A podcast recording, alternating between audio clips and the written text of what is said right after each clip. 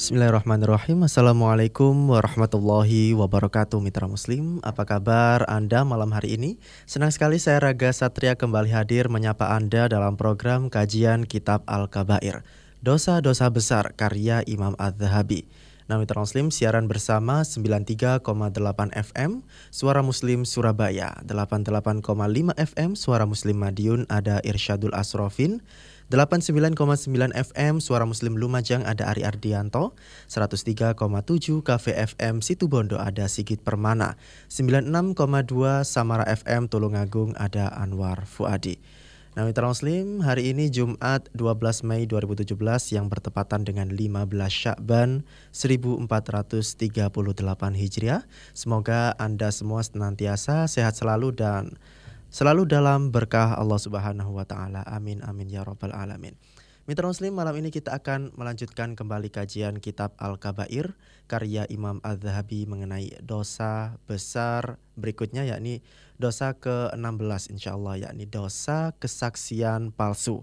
Kemarin kita membahas uh, habis tuntas dosa ke-15 yakni dosa sombong dan berikutnya kita melanjutkan ke dosa ke-16 yakni dosa kesaksian palsu. Dan alhamdulillah mitra muslim saat ini telah hadir di studio bersama kami Ustadz Isa Soleh Kuda. Kita sapa dulu mitra muslim. Assalamualaikum Ustadz. Waalaikumsalam warahmatullahi wabarakatuh. Kabar baik Ustadz ya malam hari Alhamdulillah. ini. Alhamdulillah. Baik Ustadz kita akan melanjutkan ke dosa selanjutnya yakni dosa kesaksian palsu Ustadz. Silakan. Iya. Bismillahirrahmanirrahim. Alhamdulillah Rabbil Alamin والصلاة والسلام على أشرف الأنبياء والمرسلين نبينا محمد وعلى آله وصحبه أجمعين وبعد Mitra Muslim dimanapun Anda berada yang semoga dirahmati Allah Subhanahu Wa Taala kita pada malam hari ini memasuki dosa besar yang ke-16 yaitu syahadatuz zur kesaksian palsu Kesaksian palsu artinya memberi kesaksian yang tidak sesuai dengan fakta. Menjadi saksi akan tetapi kesaksian yang disampaikan pernyataan yang disampaikan tidak sesuai dengan fakta yang ada. Seperti orang bersaksi bagi orang lain atau kelompok lain dia bersaksi bahwa fulan saya melihat fulan melakukan kejahatan. Dia dimintai untuk menjadi saksi lalu dia bersaksi bahwa orang tersebut melakukan kejahatan padahal dia tidak melihat orang tersebut melakukan kejahatan. Ini disebut dengan saksi palsu. Artinya dia sudah memberikan kesaksian keterangan yang palsu. Ini salah satu dosa besar, bahkan dosa yang sangat besar.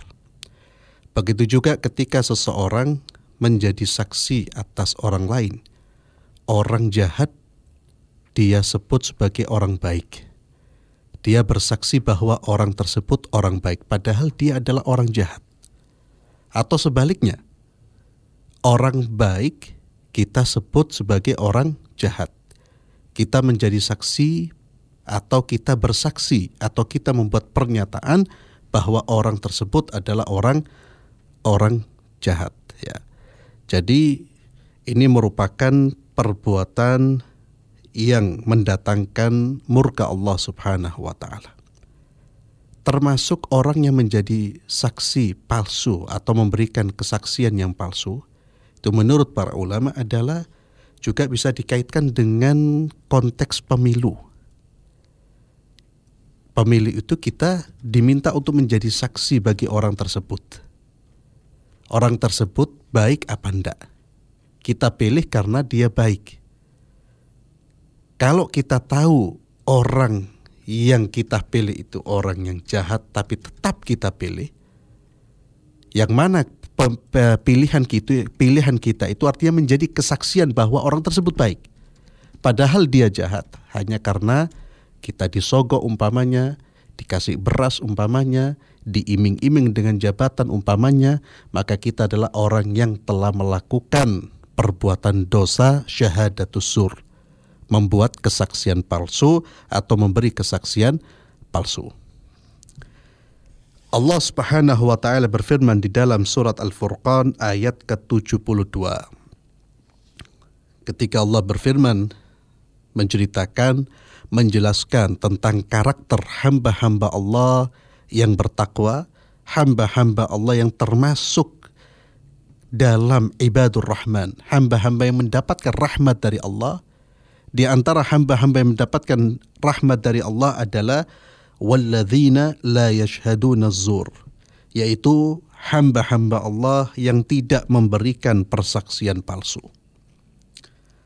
Surat Al-Furqan ayat 72.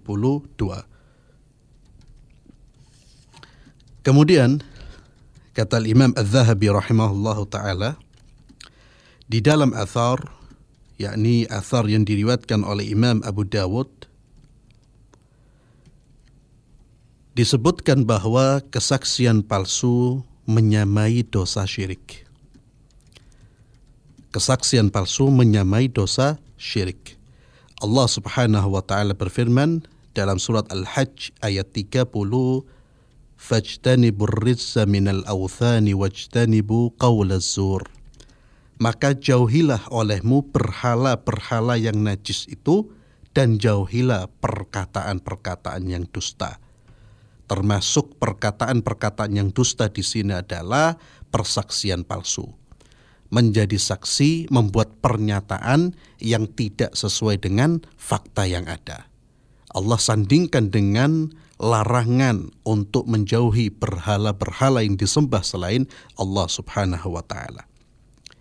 Kemudian di dalam hadis Nabi beliau sallallahu alaihi wa ala alihi wasallam bersabda, لا تزول قدم شاهد الزور يوم القيامة حتى تجب له النار tidak akan bergeser kedua kaki seorang kedua kaki seseorang yang memberi kesaksian palsu pada hari kiamat yakni pada hari kiamat kakinya tidak akan bergeser sehingga dipastikan neraka baginya artinya orang yang membuat atau yang memberi kesaksian palsu dia pasti masuk ke dalam neraka jika dia tidak bertobat kepada Allah Subhanahu wa taala. Orang yang membuat memberikan kesaksian palsu kata Imam Az-Zahabi rahimahullah orang tersebut telah melakukan banyak dosa besar. Orang tersebut banyak melak, uh, telah melakukan beberapa pelanggaran. Dalam kesaksian palsunya itu pada saat itu dia telah melakukan banyak pelanggaran. Di antaranya, yang pertama membuat-buat dusta atau arti eh, atau berdusta.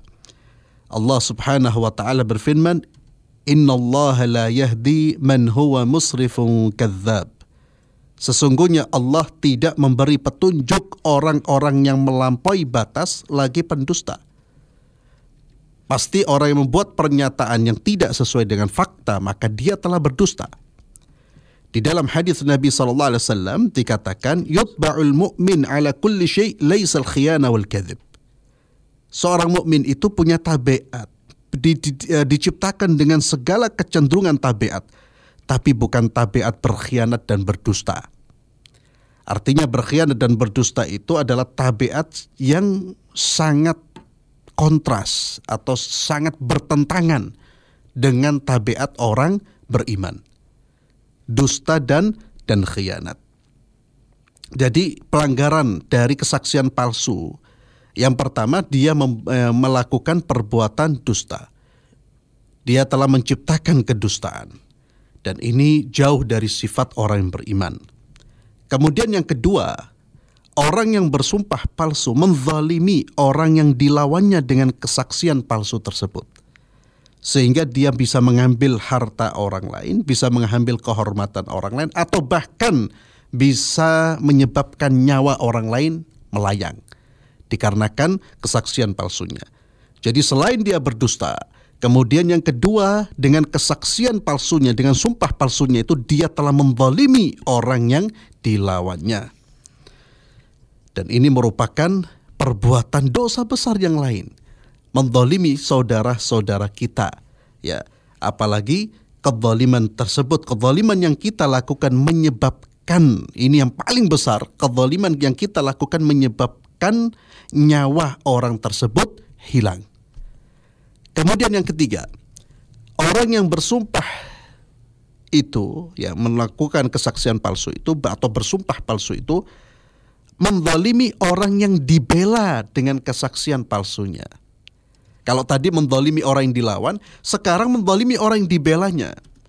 Karena dengan kesaksian palsu itu, orang yang bersaksi mendatangkan harta yang haram bagi orang yang dibela.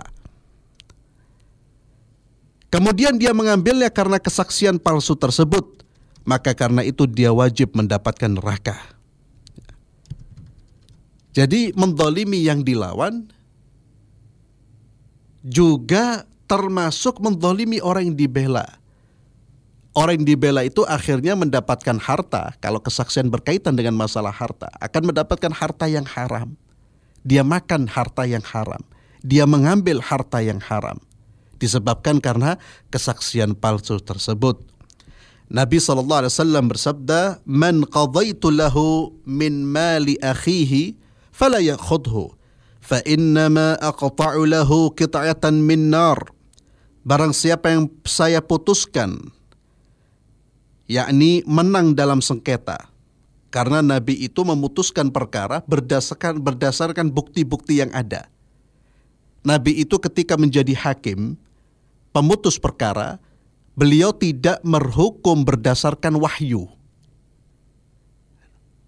Allah bisa menurunkan wahyu kepada Nabi. Siapa yang benar, siapa yang bersalah, Allah bisa. Ya. Tapi bukan dengan cara itu. Ini menunjukkan bahwa memang keputusan itu harus berdasarkan bukti. Sekalipun kadang-kadang bukti itu bisa dibuat-buat. Maka Nabi mengingatkan, barang siapa yang saya putuskan, yakni dia menang dalam sengketa tanpa hak dari harta saudaranya, Ternyata dia diputuskan, keputusan membela, keputusan berpihak kepada dia bukan karena dia benar, tapi karena kemampuan dia melakukan kecurangan. Maka kata Rasulullah maka janganlah dia mengambilnya. Karena sesungguhnya itu berarti saya memberikan sepenggal azab dan neraka untuknya. Kalau dia mengambil hak orang lain, karena kecurangan yang dia lakukan, maka dia telah mengambil azab Allah Subhanahu wa taala untuk dirinya. Dia telah mengkapling neraka untuk dirinya. Jadi orang yang berbuat atau memberikan kesaksian palsu, dia mendolimi orang yang dilawannya, juga mendolimi orang yang dibela. dibela. Kemudian yang keempat, jadi jelas Ya, kalau kita melihat tadi hadis tadi itu Nabi SAW sekali lagi memberi keputusan berdasarkan bukti dan fakta. Ya. ya. Dan Nabi itu bisa tahu niatnya orang Nabi bisa tahu. Nabi bisa tahu berdasarkan dari Allah. Nabi bisa tahu hakikat sebenarnya tapi tidak. Ya, jadi kalau ada orang melakukan kejahatan lalu difonis atau di, dinilai dia melakukan itu tanpa ada niat buruk, lo Anda bukan Tuhan. Tidak ada hukum itu dikait-kaitkan dengan niat. Niat itu bukan urusan manusia. Ada orang melecehkan agama, agama diinjak-injak. Oh dia niatnya bukan untuk melecehkan. Lah, secara zahir perkataannya itu yang dinilai. Kalau niat bukan urusan kita. Itu urusan Tuhan. Allah yang lebih tahu siapa yang punya niat baik, siapa yang tidak punya niat yang baik. Bukan urusan kita masuk ke dalam apa, masuk ke dalam batinnya manusia. Kemudian yang keempat, orang yang memberikan kesaksian palsu berarti telah membolehkan sesuatu yang diharamkan dan dijamin oleh Allah Subhanahu wa taala agar tidak dilanggar berupa harta, darah dan kehormatan. Saya ulang, orang yang memberikan kesaksian palsu berarti telah membolehkan sesuatu yang diharamkan oleh Allah. Harta yang seharusnya diharamkan oleh Allah yang tidak boleh diambil dengan cara-cara yang tidak baik, dengan kesaksian palsunya akhirnya harta tersebut menjadi halal. Begitu juga nyawa manusia, begitu juga kehormatan manusia. Nabi SAW bersabda, kullul muslim 'alal muslim haramun maluhu wa damuhu wa irduhu setiap muslim atas muslim yang lain itu haram dalam hal harta, darah, kehormatannya. Jadi seorang muslim diharamkan merampas harta saudaranya tanpa hak. Kalau urusan harta saudara kita, hati-hati. Hati-hati. Jangan kita masuk mengurus harta orang lain yang itu kita bisa jatuh dalam perbuatan zalim terhadap orang tersebut. Kalau itu urusan harta orang lain jangan kita intervensi. Kalau kita memang tidak punya pengetahuan tentang masalah ini. Harta hati-hati. Harta itu bisa uang, bisa tanah, ya, bisa rumah. Berhati-hati terhadap milik orang lain. Kata Nabi, seorang muslim harus kamu jaga hartanya. Jangan sampai kamu zalimi. Di dalam hadis yang lain Rasulullah SAW barang siapa yang mengambil sejengkal tanah seorang muslim. Maka Allah akan kalungkan tujuh lapis tanah di lehernya di hari kiamat.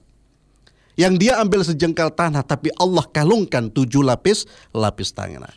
Jadi berhati-hati dengan masalah harta milik orang orang lain. Ya. Kemudian yang kedua, diharamkan kita menumpahkan darah saudara kita. Dan kita sudah membahas masalah menumpahkan darah, masalah membunuh. Kita sudah bahas bagaimana besarnya dan kejinya dosa membunuh. Kemudian yang ketiga, haram kita merusak kehormatan saudara kita. Diharamkan oleh Allah Subhanahu wa taala. Irduh maka jangan melakukan fitnah. Jangan menfitnah. Jangan merusak kehormatannya. Jangan menyebarkan aibnya. Siapa yang melakukan itu maka Allah pasti akan membalas. Karena kehormatan seorang muslim itu sangat terhormat dan sangat tinggi nilainya di sisi Allah. Bahkan kehormatan seorang muslim itu lebih terhormat dibandingkan Ka'bah.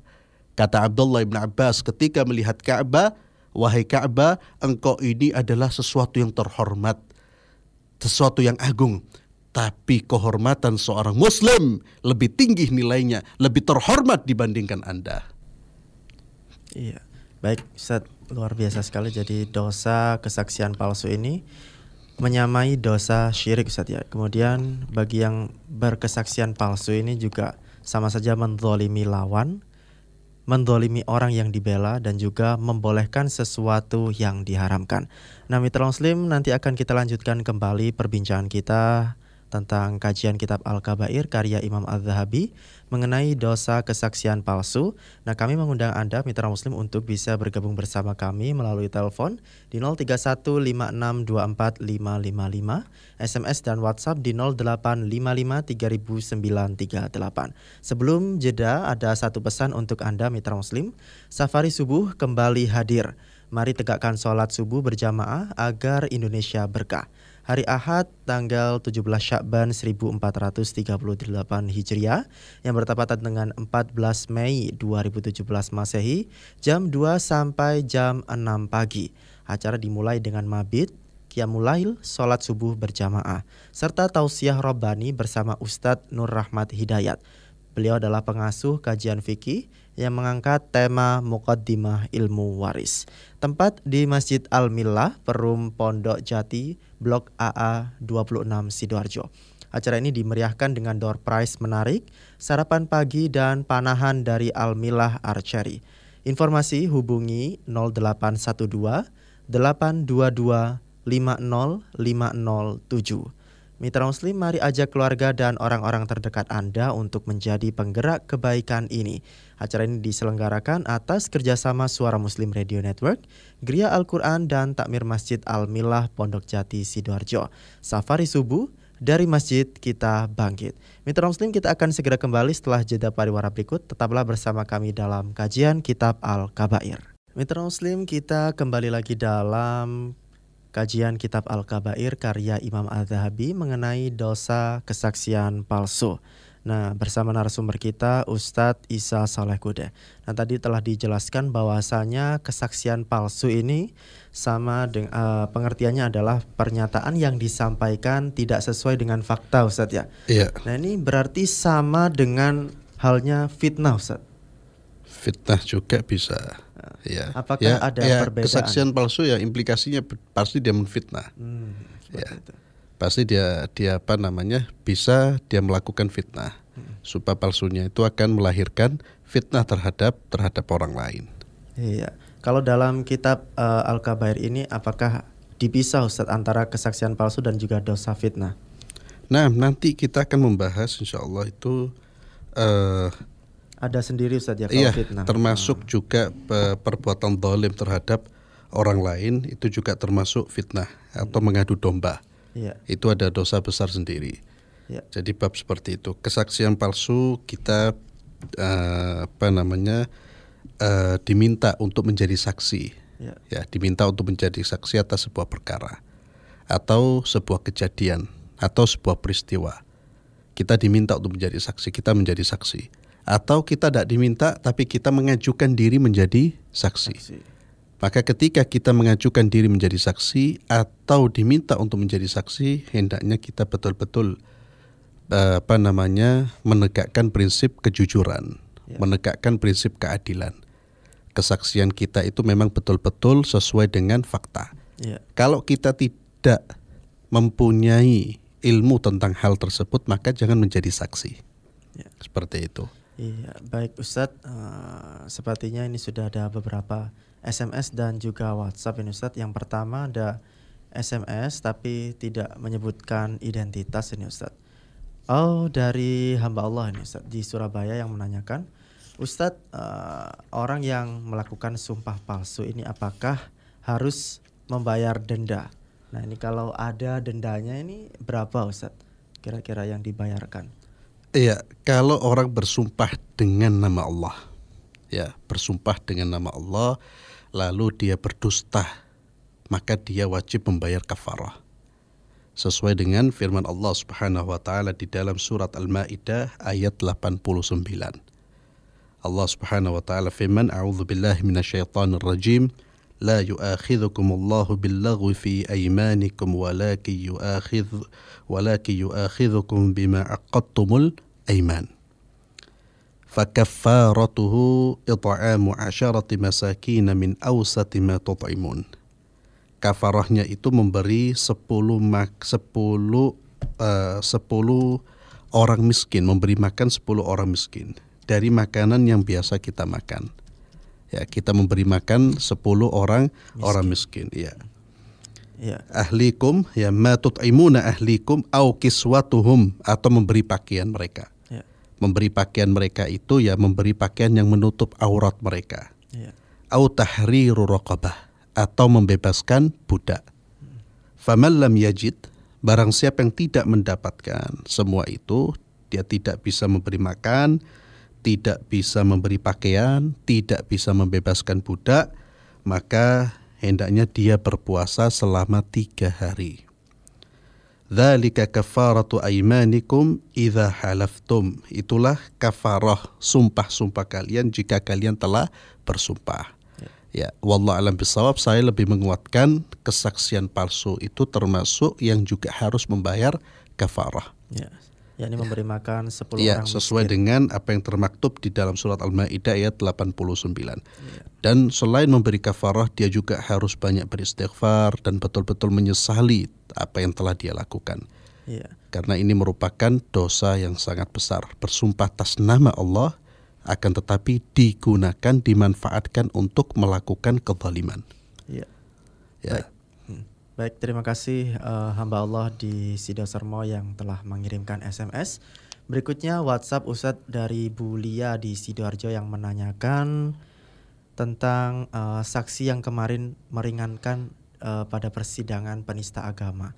Itu juga apa disebut sumpah palsu Ustadz? Iya, kalau memang dia memberi kesaksian yang tidak sesuai dengan fakta, ya dia termasuk orang yang memberi kesaksian palsu. Ya, kalau dia memang memberi kesaksian yang tidak sesuai dengan fakta, apalagi sampai disumpah apalagi sampai bersumpah. Intinya kesaksian palsu adalah kesaksian yang tidak sesuai dengan dengan fakta yang ada. Ya, orang memberi meringankan terdakwa hanya karena dia keluarganya atau dia bolonya, ya dia separtai atau karena ada uang, maka dia telah melakukan satu kezaliman, perbuatan dosa besar. Ya. Mendolimi orang yang dibela, begitu juga mendolimi orang yang dilawan. Iya. Baik, terima kasih uh, yang telah bergabung melalui WhatsApp. Berikutnya Ustadz ada WhatsApp lagi yang menitipkan ke rekan saya Anwar Fuadi yang saat ini bertugas di Samara FM Tulungagung. Beliau menanyakan tentang hu bagaimana hukum seseorang yang pernah menjadi saksi perceraian sedangkan ketika bersaksi tidak bisa menceritakan permasalahannya secara rinci atau secara detail. Jadi hanya bersaksi sekedarnya saja sebagai formalitas. Tapi saya uh, tapi sudah meminta maaf kepada kedua belah pihak yang bercerai, tapi masih sering kepikiran sampai sekarang, Ustaz. Iya, alhamdulillah masih kepikiran artinya beban itu ya. Iya. Ya, alhamdulillah ya. Kalau kita merasa pernah melakukan kesalahan, perbuatan dosa, termasuk tidak jujur dalam membuat pernyataan, maka ya tentu kita harus bertobat kepada Allah Subhanahu wa taala. Ya.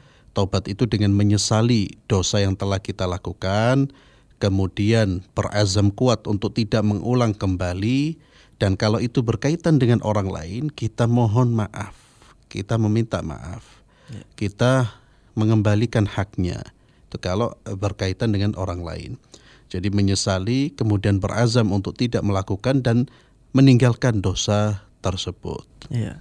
baik terima kasih yang telah bergabung dan mengirimkan pesan melalui Samara FM Tulungagung 96,2.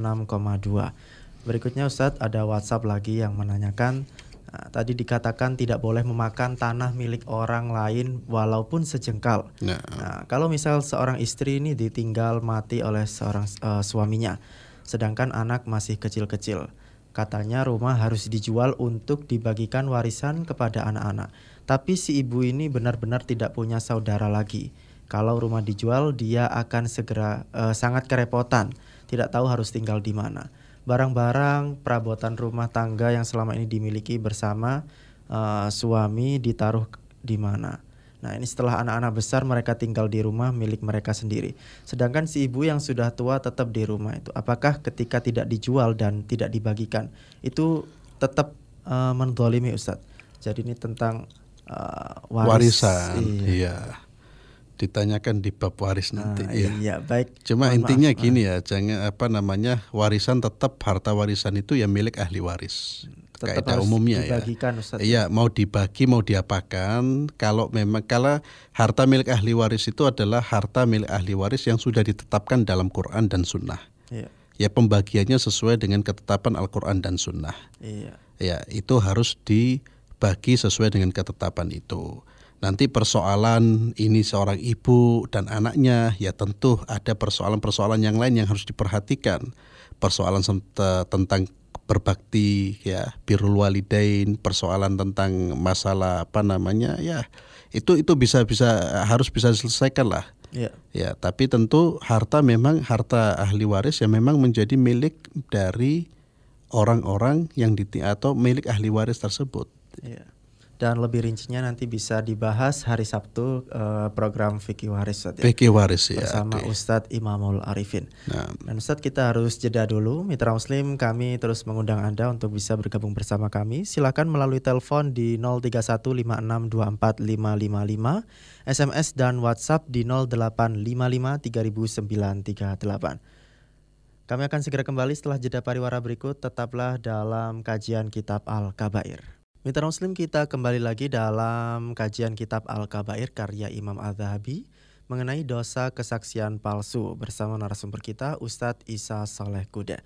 Dan tadi sebelumnya ada yang menanyakan tentang uh, sumpah palsu itu apakah harus membayar denda uh, dan dendanya berupa apa dan tadi telah dijawab oleh Ustadz Isa bahwasanya memberikan makan 10 orang miskin. Nah, Ustadz berikutnya ini ada SMS yang menanyakan Bagaimana kalau kita menceritakan cerita fiktif atau mengarang cerita tapi tujuannya ini untuk meningkatkan keimanan dari Mas Hafid ini? Ya, kalau kita membuat cerita fiktif ya kita harus uh, apa namanya menyebutkan bahwa memang cerita ini cerita fiktif. Ya. Jadi diketahui khalayak, diketahui orang bahwa memang ini bukan cerita yang nyata. Ya, jadi tidak ada masalah kita buat cerita-cerita. Yang jelas kita menjelaskan bahwa ini hanya fiktif belaka. Ya. Begitu. Ya, baik terima kasih Mas Hafid yang telah bergabung melalui SMS. Berikutnya ada WhatsApp ini Ustadz yang masuk tidak menyebutkan identitas. Beliau menanyakan, Ustadz bagaimana kalau kita uh, melakukan kesaksian palsu ini untuk membela orang yang sebenarnya tidak bersalah. Jadi uh, melakukan kesaksian palsu karena orang ini difitnah sebelumnya. Tak paham saya ini. Jadi ini melakukan me, ber, uh, kesaks, menjadi saksi membela, membela, membela tapi dibelok-belokkan gitu sepertinya sepertinya Ustadz. Jadi awalnya ini mungkin difitnah, ini juga sangat singkat sekali SMS-nya, uh, WhatsApp-nya. Jadi sepertinya dia difitnah, hmm. kemudian kita membela. Ya kita ngomong apa adanya dia Tapi difitnah. membelanya ini uh, agak ditambah-tambahi agar dia selamat dari fitnah itu. Ya kan kita ngomong apa adanya kalau memang dia difitnah. Kita di kita diajak untuk atau disuruh menjadi saksi kan ya kita justru kita menyampaikan apa yang itu sebuah kebenaran bahwa orang ini tidak melakukan kejahatan. Dia hanya korban fitnah. Ya kita sampaikan seperti itu. Ya saya tidak tahu gambarannya seperti apa yang jelas eh, jangan sampai kita melakukan bers atau bersaksi dengan kesaksian palsu. Ya. ya, kecuali kecuali kita bersaksi dengan kesaksian palsu dalam rangka melindungi nyawa orang yang tidak uh, bersalah. Ya. ya, kita ya. berbohong dalam rangka melindungi orang yang tidak bersalah. Boleh. Itu namanya kita apa namanya melakukan satu perbuatan ya untuk melindungi perbuatan uh, untuk melindungi nyawa orang lain hmm. diperbolehkan. Hmm. Ada saudara kita dikejar-kejar musuh, yeah. ya dia tidak melakukan kesalahan, dia mau dibunuh, lalu kita lindungi, kita ditanya ngelihat orang ini enggak? Oh enggak ngelihat. Atau kita ngomong orang ini enggak ada di sini, hmm. ya agar nyawanya terselamatkan. Ya ini tidak tidak tidak apa namanya tidak ada masalah insya Allah. Iya, baik terima kasih. Berikutnya sudah ada yang bergabung melalui telepon ini Ustaz. Ada Pak Mukhlas di Sidoarjo. Kita sapa dulu. Assalamualaikum Pak Mukhlas. Waalaikumsalam Mas Dani. Ya, Mas Raga, Pak. Oh, Mas Raga. Oh, maaf, maaf. iya, baik. Silakan Pak Mukhlas. Assalamualaikum Ustaz. Waalaikumsalam warahmatullahi wabarakatuh. Oke, saya lebih tertarik untuk mencermati uh,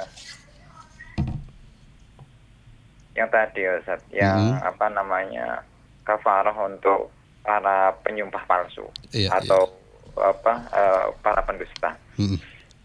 Uh, bagaimana menurut Ustaz tentang yang termaktub dalam surat Al-Maidah itu. Mm. Tapi kan itu terlalu ringan dengan efek yang ditimbulkan uh, oleh sebuah kesaksian.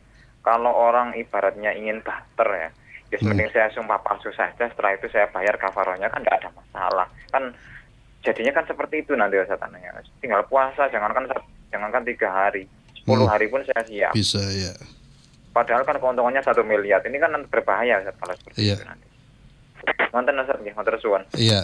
Jadi Waalaikumsalam warahmatullahi wabarakatuh. Terima kasih Pak Muklas. Jadi kalau kita bersumpah palsu, siapa Pak Muklas, Pak Muklas ya? di Sidoarjo. Kemudian sumpah palsu kita itu sampai mengambil haknya orang, itu tidak hanya cukup membayar kafaroh Pak, hmm. tapi harus mengembalikan hak orang lain. Umpamanya ngambil dengan sumpah palsu kita orang dirugikan sampai satu miliar, juga cukup cuma tiga puasa tiga hari itu seperti yang dikatakan Pak Abu Kulasa memang enak enggak seperti itu. Ya. Jadi tobat itu kan saya seperti yang saya singgung tadi, tobat itu kalau ada kaitannya dengan orang lain harus diselesaikan. Ya, harus diselesaikan. Ya. Diselesaikan dengan orang yang bersangkutan.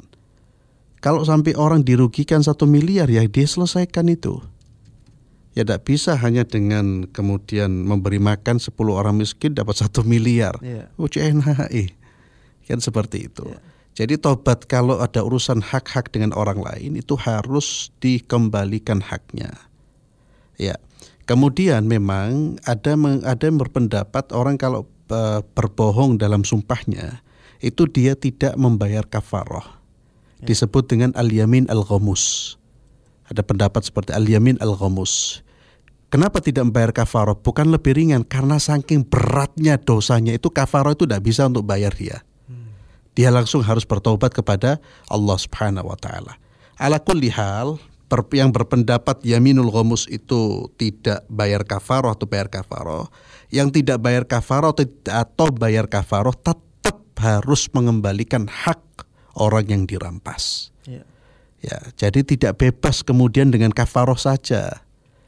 Ya, tidak bebas. Makanya ini ini ini ada uh, sebagian berpendapat orang bersumpah palsu itu kenapa da, da, tidak membayar kafaroh ya. Karena saking besarnya dosanya sehingga tidak tidak cukup ya tidak cukup atau tidak bisa menutupi dosa besarnya itu hanya dengan kafaroh. Iya, baik. Ya, jadi jangan salah paham, jangan sampai kafaroh saja sudah sudah selesai. Iya. Oh enggak. Ya nanti orang banyak sumpah palsu nanti. Kong kali kong di pengadilan iya. dapat 500 juta, bayar 10 orang miskin ya ya gak seperti itu iya. tapi tetap dia harus bertanggung jawab mengembalikan itu ya namanya tobat itu juga harus yang jerah yang mencerahkan kita iya sebenarnya. betul jadi tobat itu memang kalau urusan orang lain tidak bukan bukan hanya kita apa namanya bayar kafaroh saja iya. harus selesai dengan orang yang kita dolimi Iya, baik Ustaz, nanti akan kita lanjutkan kembali di segmen berikutnya. Dan mitra muslim, kami mengundang Anda untuk bisa berinteraksi bersama kami di 031 5624 555, SMS dan WhatsApp di 0855 3938. Namun sebelumnya seperti sepertinya Gatekeeper sudah menerima telepon Ustaz. Dari Surabaya ada Pak Hasan sebelum kita ke jeda. Assalamualaikum Pak Hasan. Waalaikumsalam. Iya, silakan Pak Hasan mau tanya Ustaz. Iya silakan Pak Hasan. Ada orang kabur dari majikannya. Orang kabur? Saya, kabur? Iya lari dari majikannya, dari rumah majikannya. Oh iya. Terus saya itu kelihatan. Setelah itu saya kelihatan ada yang tahu bahwa saya itu kelihatan orang yang kabur itu Pak. Lalu ditanya sama majikannya, kamu tahu yang kabur itu? Saya ngomong tidak tahu. Itu yang ngomong kamu tahu katanya. Saya tidak tahu. Hmm. Saya ngomong begitu terus Pak. Demi keselamatan dia. Berarti majikan ini melakukan kezaliman Pak? Iya, melakukan kezaliman. Oh, kabur karena terzalimi? Iya, iya. Iya. Hmm. Nah, apa itu saya harus bayar kafarat atau gimana Pak Ustadz? Iya. Iya, Bapak bersumpah. Pas sampai bersumpah? Iya, sampai sampai bersumpah demi hmm. keselamatan hmm. dia. Karena dia menanyakan saya ada saksinya bahwa saya itu melihat bahwa dia kabur gitu. Iya, iya, iya. Ya. Assalamualaikum gitu aja pertanyaan saya Pak Ustaz. Iya, Waalaikumsalam warahmatullahi wabarakatuh. Ustaz, uh, dijawab nanti setelah jeda okay, atau okay. sekarang? Nanti saja Ustaz. Nanti. Ya. Ya, baik Mitra Muslim, kami terus mengundang Anda untuk bisa bergabung bersama kami di 031 5624 555 SMS dan WhatsApp di 0855 3938. Mitra Muslim kita kembali lagi dalam kajian kitab Al-Kabair karya Imam Al-Zahabi mengenai dosa kesaksian palsu. Dan alhamdulillah uh, kita masih bersama narasumber kita beliau adalah Ustadz Isa Soleh Kude. Dan di segmen sebelumnya Mitra Muslim kita menerima telepon dari Pak Hasan di Surabaya yang menanyakan tentang uh, bahwasanya Pak Hasan ini melihat ada tetangganya uh, di rumah tetangganya ada pembantu yang kabur dari rumah majikannya. Kemudian Pak Hasan tahu sendiri melihat dengan mata kepala sendiri, namun beliau uh, untuk melindungi pembantu ini atau uh, asisten rumah tangga ini beliau uh, bersaksi palsu sampai bersaksi juga ini Ustaz. Jadi Bersumpah, ya. bersumpah juga ini Ustaz. Nah, ini bagaimana? Apakah juga wajib membayar kafarat atau apa yang harus dilakukan untuk uh, taubatnya ini?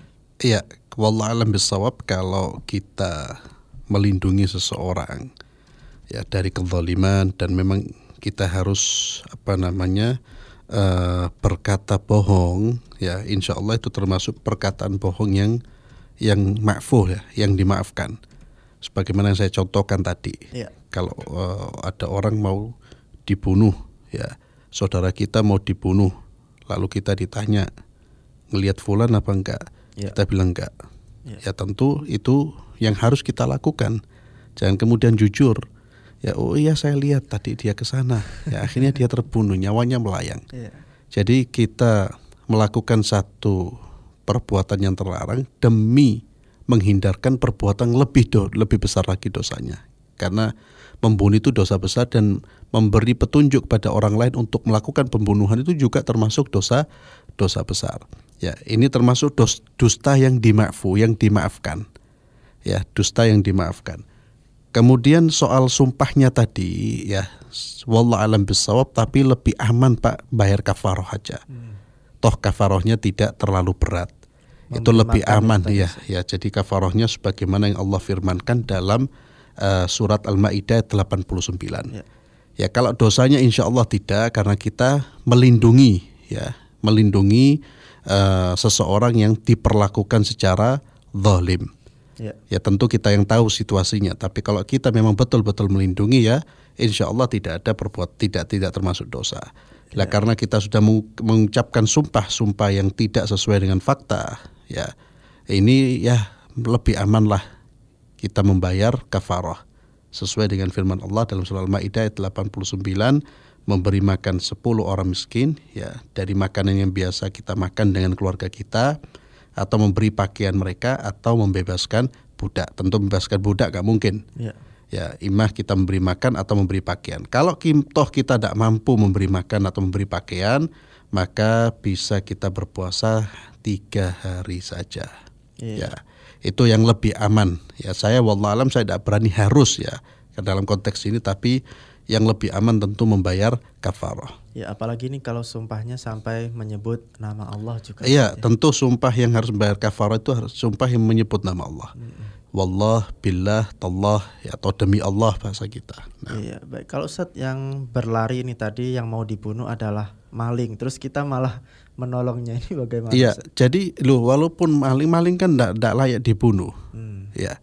Maling tidak layak dibunuh. Jadi pembunuhan itu satu perbuatan yang sangat besar. Tentu kita melindungi dia dari pembunuhan, bukan melindungi dia dia dari jerat hukum, ya. Kalau kita melindungi dia dari jerat hukum, dari hukuman, maka kita termasuk orang yang dilaknat. Sebagaimana dalam hadis yang diriwayatkan oleh Sayyidina Ali, Rasulullah mengatakan la'anallahu man awa muhditha. Allah itu melaknat orang yang melindungi pelaku kriminal. Melindungi dalam arti apa? Membebaskan dia dari jerat hukum. Ya. Itu. Tapi kalau membebaskan dia dari kezaliman karena kalau dia dibunuh ya zalim yang membunuh. Iya. Karena bukan hukumannya bukan dibunuh. Ya, serahkan kepada pihak berwajib seperti itu. Ya, baik terakhir Ustadz SMS dari hamba Allah di Sidoarjo sekaligus nanti diberikan kesimpulannya Ustadz. Eh, beliau ini adalah satpam yang ketika dia menerima telepon sering sekali menerima telepon untuk disambungkan kepada pimpinan atau kepada ke- atasannya. Namun atasannya menyuruh dia ini eh, sebagai satpamnya ini bilang kalau saya tidak ada atau saya sedang ke mana ke mana. Nah ini Iya, disuruh berbohong. Ah, disuruh berbohong. Iya. Apakah saya juga termasuk ke dalam kategori dosa besar eh, kesaksian palsu ini? Ya, jadi itu termasuk berbohong, ya eh, tentu perbuatan dosa, ya dan do- berbohong bukan dosa, dosa besar, ya. Apalagi kalau berbohongnya sering. Dan kita diperintahkan oleh Nabi SAW la ta'ata fi makhlukin fi ma'siyatil khaliq. Tidak ada ketaatan kepada makhluk dalam hal berbuat maksiat kepada Allah Subhanahu wa taala. Maka kalau kita bisa menghindar dari situasi ini wajib kita menghindar. Artinya kita wajib mencari jalan untuk menghindar. Karena ini dosa, tetap dosa. Iya. Dosa besar berbohong ya. Kita wajib mencari jalan untuk menghindar. Kalau kita tidak bisa menghindar dan itu terjadi berulang kali, maka segera mencari pekerjaan yang lebih aman. Pekerjaan di mana kita tidak melanggar aturan-aturan Allah. Ya. Pekerjaan di mana kita tidak apa namanya membantu orang-orang yang melakukan kebohongan. Ya, tentu tidak harus langsung keluar ya. Ya. Tentu silakan bertahan tapi sambil mencari pekerjaan yang lain. Kalau itu terjadi berulang kali. Ya. Karena terus terang memang melakukan kebohongan tidak dibenarkan. Ya, melakukan kebohongan tidak tidak dibenarkan. Wallahu a'lam bissawab. Iya, baik. Terakhir Ustadz, sekaligus kesimpulan kita mengenai uh, pembahasan kita malam hari ini yakni dosa kesaksian Iya, palsu. kesimpulannya saya membacakan hadis yang terakhir dari bab ini, hadis Nabi sallallahu alaihi wasallam di mana beliau bersabda ala unabbiukum bi akbaril kabair. Maukah kalian aku kabarkan tentang dosa yang paling besar? Lalu beliau menjelaskan al-isyraku billah yaitu syirik mempersekutukan Allah wa uququl walidain durhaka kepada kedua orang tua wa qauluz zur berkata dusta. Ala wa zah- wal ala wa syahadatu zur ala wa syahadatu zur. Nabi ketika menyebutkan tadi dalam posisi bersandar. Kemudian Nabi membenahi posisi duduknya, beliau tidak bersandar, lalu beliau mengucapkan eh, dosa besar yang lain, ala wa syahadatu zur. Ya. Ketahuilah ada dosa besar yang lain yaitu memberikan kesaksian palsu. Dan dosa yang terakhir ini disebutkan oleh Nabi berulang-ulang. Fanazala yukarriruha. Jadi Nabi terus berulang-ulang. Waspadalah, berhati-hatilah dari memberikan kesaksian palsu. Jauhkan diri kalian dari memberikan kesaksian itu terus diulang-ulang sampai sahabat berkata laitahu sakat. Ya. Duhai se- duhai sekiranya Nabi duhai sekiranya Nabi diam. Ya, laitahu sakat karena terus-terus diulang-ulang oleh Rasulullah sallallahu alaihi wasallam.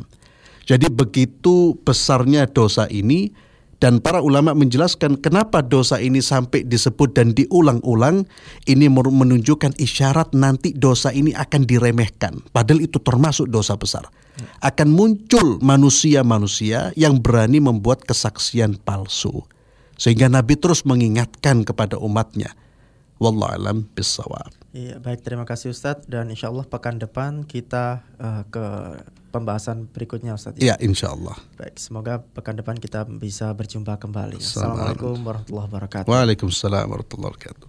Ya, demikian mitra muslim pembahasan kita tentang dosa kesaksian palsu malam hari ini dalam kajian kitab Al-Kabair. Terima kasih kepada rekan-rekan saya yang bertugas di Radio Network. 88,5 FM Suara Muslim Madiun ada Irsyadul Asrofin, 89,9 FM Suara Muslim Lumajang ada Ari Ardianto, 103,7 Cafe FM Situbondo ada Sigit Permana. Dan juga 96,2 Samara FM Tulungagung ada Anwar Fuadi. Produser sekaligus gatekeeper Imam Wahyudi, saya Raga Satria undur diri dari ruang dengar Anda. Subhanakallahumma wa bihamdika, nasyhadu an la ilaha illa anta, nastaghfiruka wa natubu ilaik. Maha suci Engkau ya Allah dan dengan memujimu kami bersaksi, tidak Tuhan yang berhak diibadahi selain Engkau. Kami memohon ampun dan bertaubat kepadamu. Wassalamualaikum warahmatullahi wabarakatuh.